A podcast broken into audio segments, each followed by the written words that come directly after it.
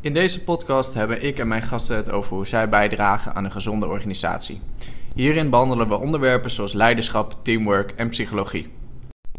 Vandaag heb ik een interview met Marty Grashoff. Marty is werkzaam als Chief of Staff van de NAVO Stability Policing Center of Excellence. Welkom bij de Doorpak Podcast. Goed, ehm, wat betekent leiderschap voor jou? Leiderschap voor mij betekent dat je in verschillende situaties voor, naast en uh, achter je collega's, medewerkers staat. Oké. En kun je daar iets specifieker in zijn? Wat, wat betekent dat voor jou?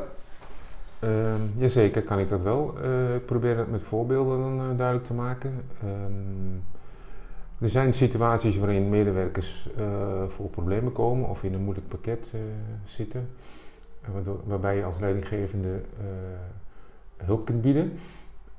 Dat betekent dat je dan voor een medewerker gaat staan als leidinggevende om hem soms in bescherming te nemen of om te helpen, omdat je die positie hebt. Dat kun je ook op die manier zien door achter de medewerkers te staan. En naast de medewerkers staan betekent voor mij hand in de rug en ehm, wel zelfstandig laten functioneren, maar wel de steun geven, omdat je naast iemand staat.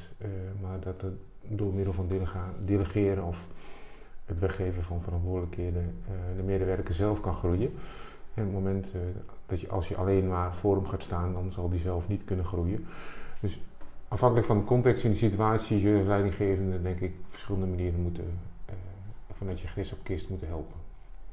En ik denk dat leiderschap nooit één trucje is, maar mm -hmm. dat je altijd verschillende dingen van mensen kan vragen. Oké. En als je dat dan betrekt op, um, op jouw leidinggevende kwaliteiten uh, um, en voor die situaties, welke leidinggevende kwaliteiten um, heb je daarvoor nodig? Voor jouw functie? Voor mijn functie? Ja. Nou ja, uh, mijn functie is met mijn chef-staf. Dat betekent dat ik leiding geef aan een afdeling met professionals die uh, ieder een eigen verantwoordelijkheid hebben. Voor mij is het zaak om niet de professional te vertellen hoe hij zijn werk moet doen. Want, dat want hij is, zeg maar, zoals wij dat noemen, subject matter expert. Dus hij is de man, de man, vrouw die weet wat hij moet doen, hoe hij het moet doen.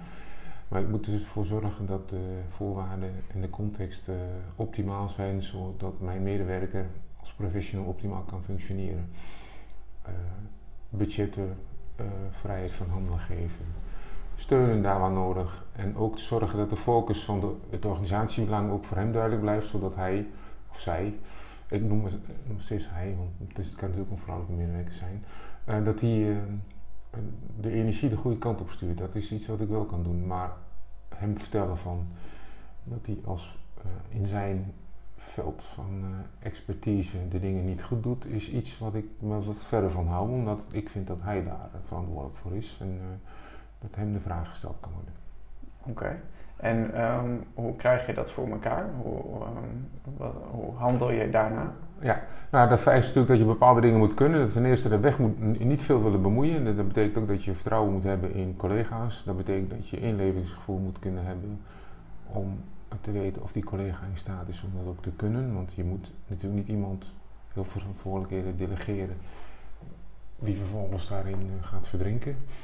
Uh, dus uh, beter wat je mensen kennen, wat ze kunnen, hoe de persoonlijkheid in elkaar zit en veel gesprek blijven met elkaar daarover.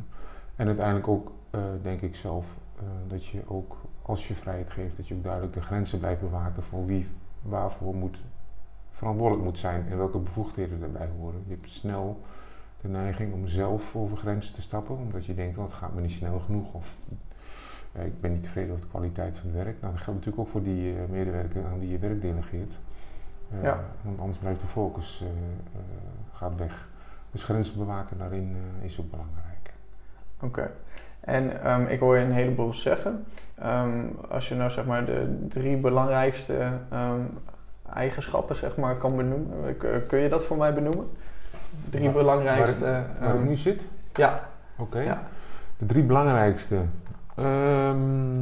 grenzen bewaken. Ja.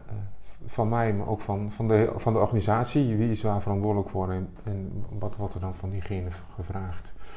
En uh, delegeren.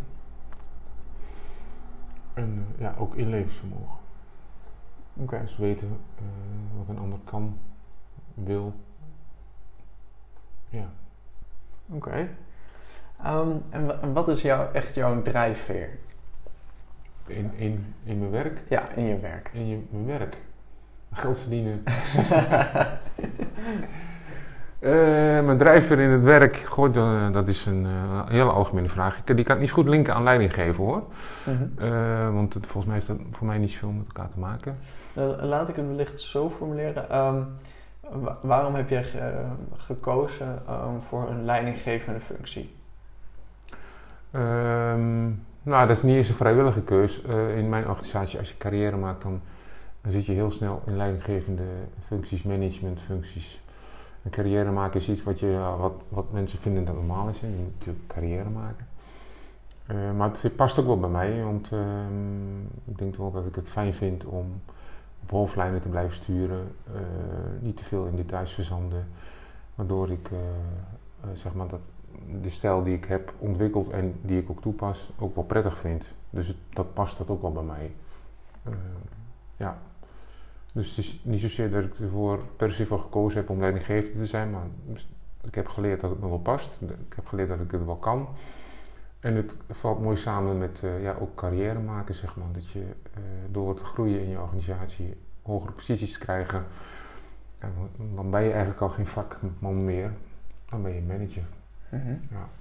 En je gaf, uh, je gaf net aan uh, dat je gezien hebt dat je het kan. Mm -hmm. um, wat maakt dat je dat inziet?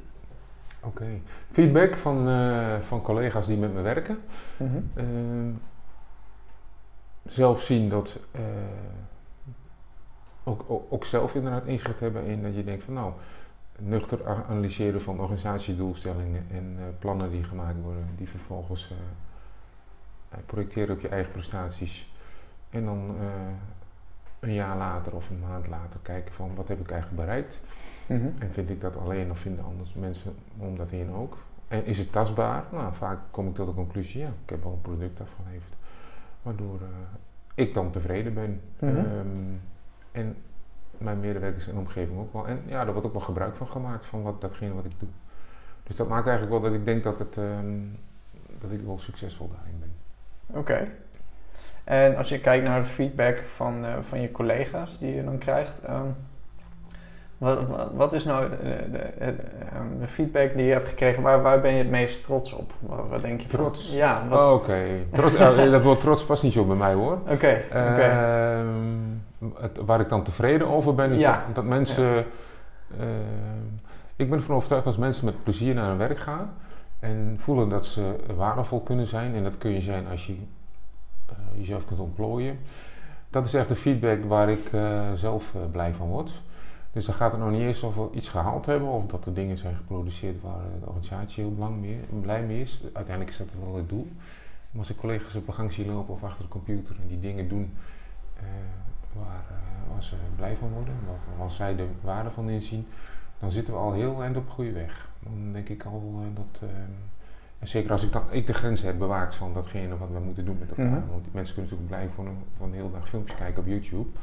Maar het gaat dan wel echt over, over het werk. Um, dat is. Dan ben ik tevreden. En trots op je werk, uh, woord wordt zo vaak gebruikt, zou ik eerst een definitie moeten zien van wat, wat, het dan precies inhoudt. Ja, ik heb er niet veel mee. Oké, okay, oké. Okay. Um, en um, waaraan moet volgens jou goed teamwork um, voldoen? Dus wat, wat zijn de succesfactoren die uh, ja, goed teamwork. Uh... Iedereen in zijn kracht. Zoveel mogelijk in zijn kracht, want dat gaat natuurlijk nooit optimaal.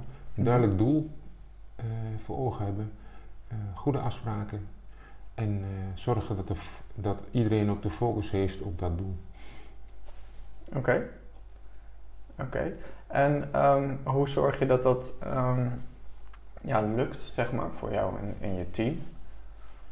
Uh, ja, de, ja, communicatie is daarin belangrijk. Je zult duidelijk met, uh, helder moeten zijn, transparant. Mm -hmm. En veel, veel met elkaar, uh, of veel, afhankelijk van hoe, je, hoe, hoe, de werksituatie is. Maar de communicatie zal regelmatig moeten zijn, zal duidelijk moeten zijn. En uitspreken van verwachtingen. Mm -hmm. En mensen wijzen op verantwoordelijkheden. En bevoegdheden delegeren, ja, het is een soort cirkel ook wel wat dat betreft. Hè. Mhm. Maar ik denk dat communicatie dan het eerste woord is wat mij te binnen schiet. Want als je niet met elkaar communiceert dan, en het is onduidelijk, ja, wat verwacht je dan van elkaar? Ja. Ja. En, hoe, en eh, hoe gebeurt dat dan, de, de, de communicatie? Op welke manieren? Eh, nou, bij, waar ik werk is het, eh, noemen we dat chain of command. Dus dat gaat eigenlijk, dat is heel bureaucratisch. Dat van, als je vijf niveaus hebt, dan gaat als het onderste niveau met het hoogste niveau wil praten, dan zal dat betekent dat dat niet rechtstreeks kan, maar door alle lagen heen de communicatie eh, omhoog gaat en weer terug. Eh, is niet altijd even handig, maar in een militaire organisatie werkt dat wel goed. Omdat eh, we dan in ieder geval van elkaar weten wat we willen. En uiteindelijk is, zoals bij ons wordt gewerkt, binnen de NAVO dan, is de intentie van de commandant, de hoogste baas, leidend in hoe wij ons werk inrichten. En dat zal de hoogste dan ook uiteindelijk bij het laagste niveau, het laagste niveau is verkeerd woord, maar bij het niveau wat, wat op- onderop zit, eh, helder moeten krijgen. En eh, de verwacht, en hij zal ook terug moeten krijgen of het mogelijk is. Wat, want eh, hij weet niet welke beperkingen er zijn of dingen die aangekocht moeten worden om iets te realiseren. Dus dat zal weer terug moeten, zeg maar een soort van eh, heen en weer. Eh, maar wel door de niveaus heen. Waardoor je soms, eh, soms kun je dat in 10 seconden doen. En soms er, duurt het een jaar. Eh, want eh, ja, er zijn nogal wat lagen. En eh, analyses duren ook wel eens lang. Maar dat is een beetje, ik weet niet of dat antwoord geeft op je vraag, maar volgens mij is dat Mhm. hoe wij het doen. Ja, En dat is ook communiceren. oké. Het, het is Ja. een doodzonde als een, een medewerker rechtstreeks met de directeur overlegt en andersom. Mhm. En ehm, eh, ter- dus terugkoppelen is ook goed mogelijk. Dus van, eh, als er zeg maar Ja. informatie van boven naar beneden eh, komt. Ja. Andersom is ook heel goed mogelijk. Ja, want je hebt eigenlijk, eh, de theorie is dat een commandant eh, geeft aan wat voor doel hij wil bereiken. Dan zitten zijn ondercommandanten naar hem te luisteren.